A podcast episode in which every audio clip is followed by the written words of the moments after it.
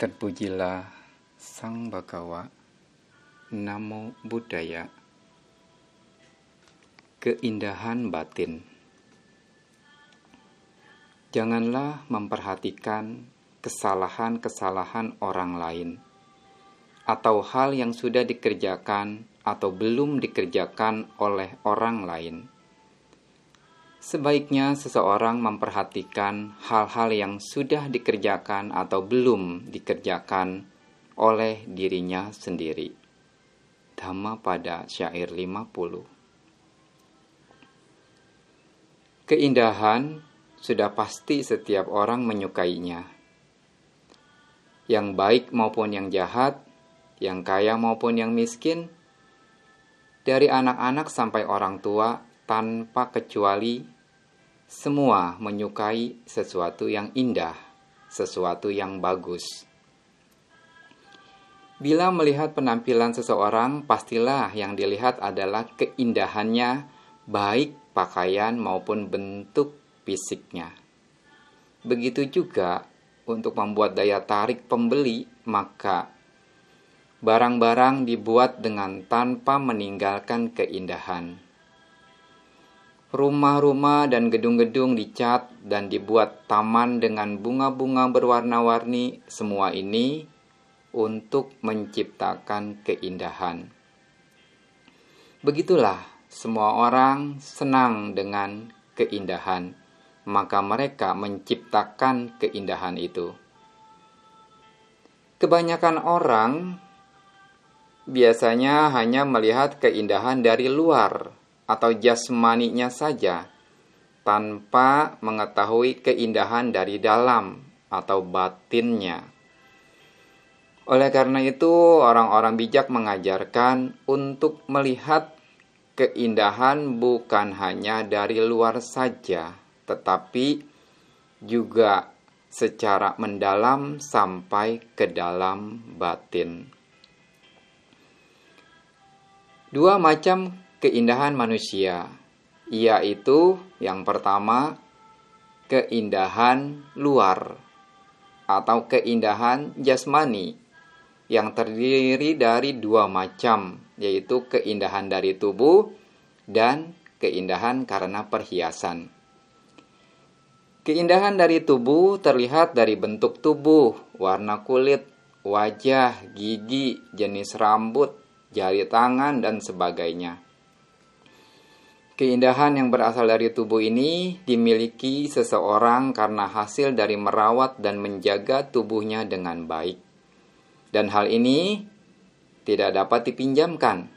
Namun demikian keindahan seperti ini bisa dibeli. Mempunyai wajah yang tidak cantik, banyak orang melakukan operasi plastik. Memiliki hidung yang pesek bisa menjadi mancung karena operasi plastik.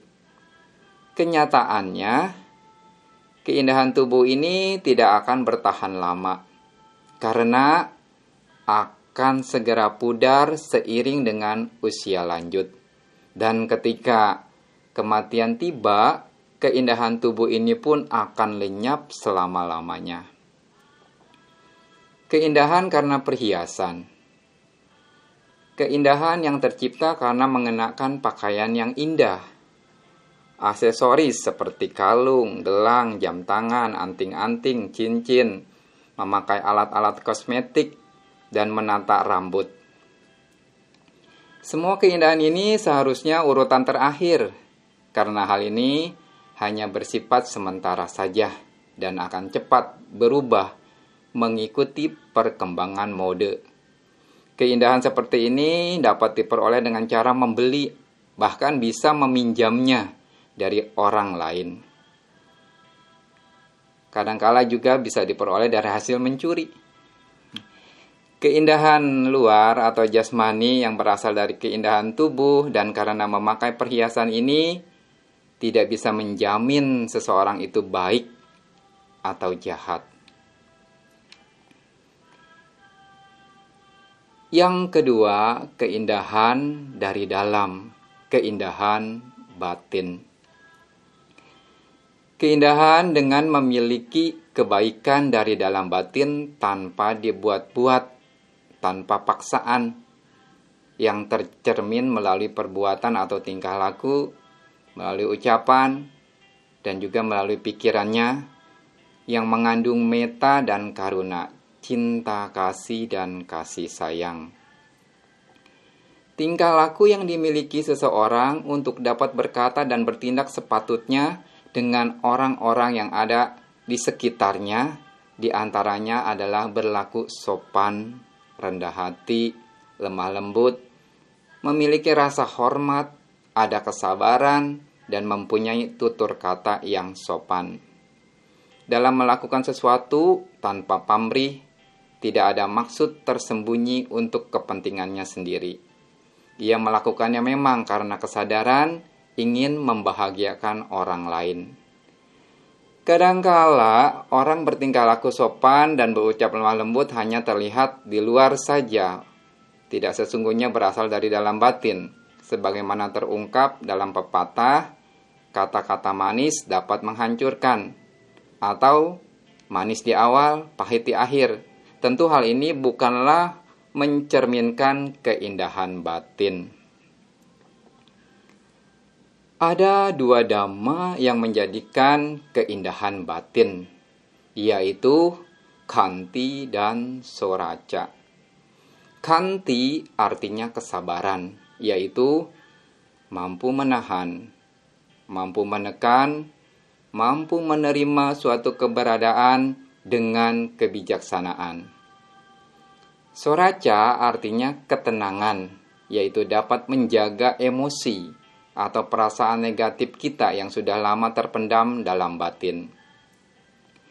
Di saat kesabaran dan ketenangan ada di dalam batin kita, maka setiap perkataan dan ucapan akan sangat lembut dan sopan, layaknya tidak pernah ada masalah yang terjadi sebelumnya.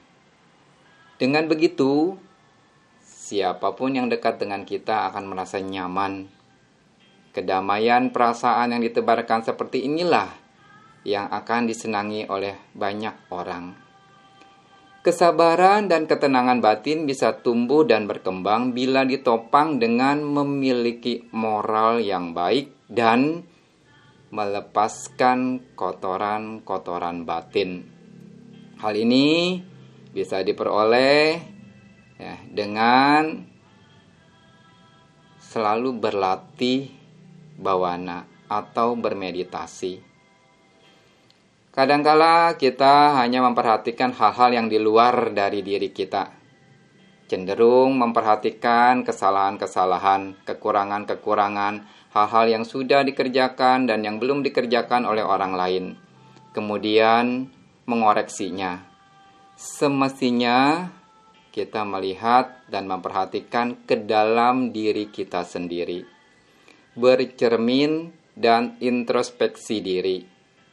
Hal-hal apa yang sudah dan belum kita kerjakan, lalu membenahi kekurangan-kekurangan dan kesalahan-kesalahan kita, sehingga hari demi hari batin kita semakin maju. Mari kita menciptakan keindahan batin kita masing-masing. Sabbe sat tak bawantu suki tata.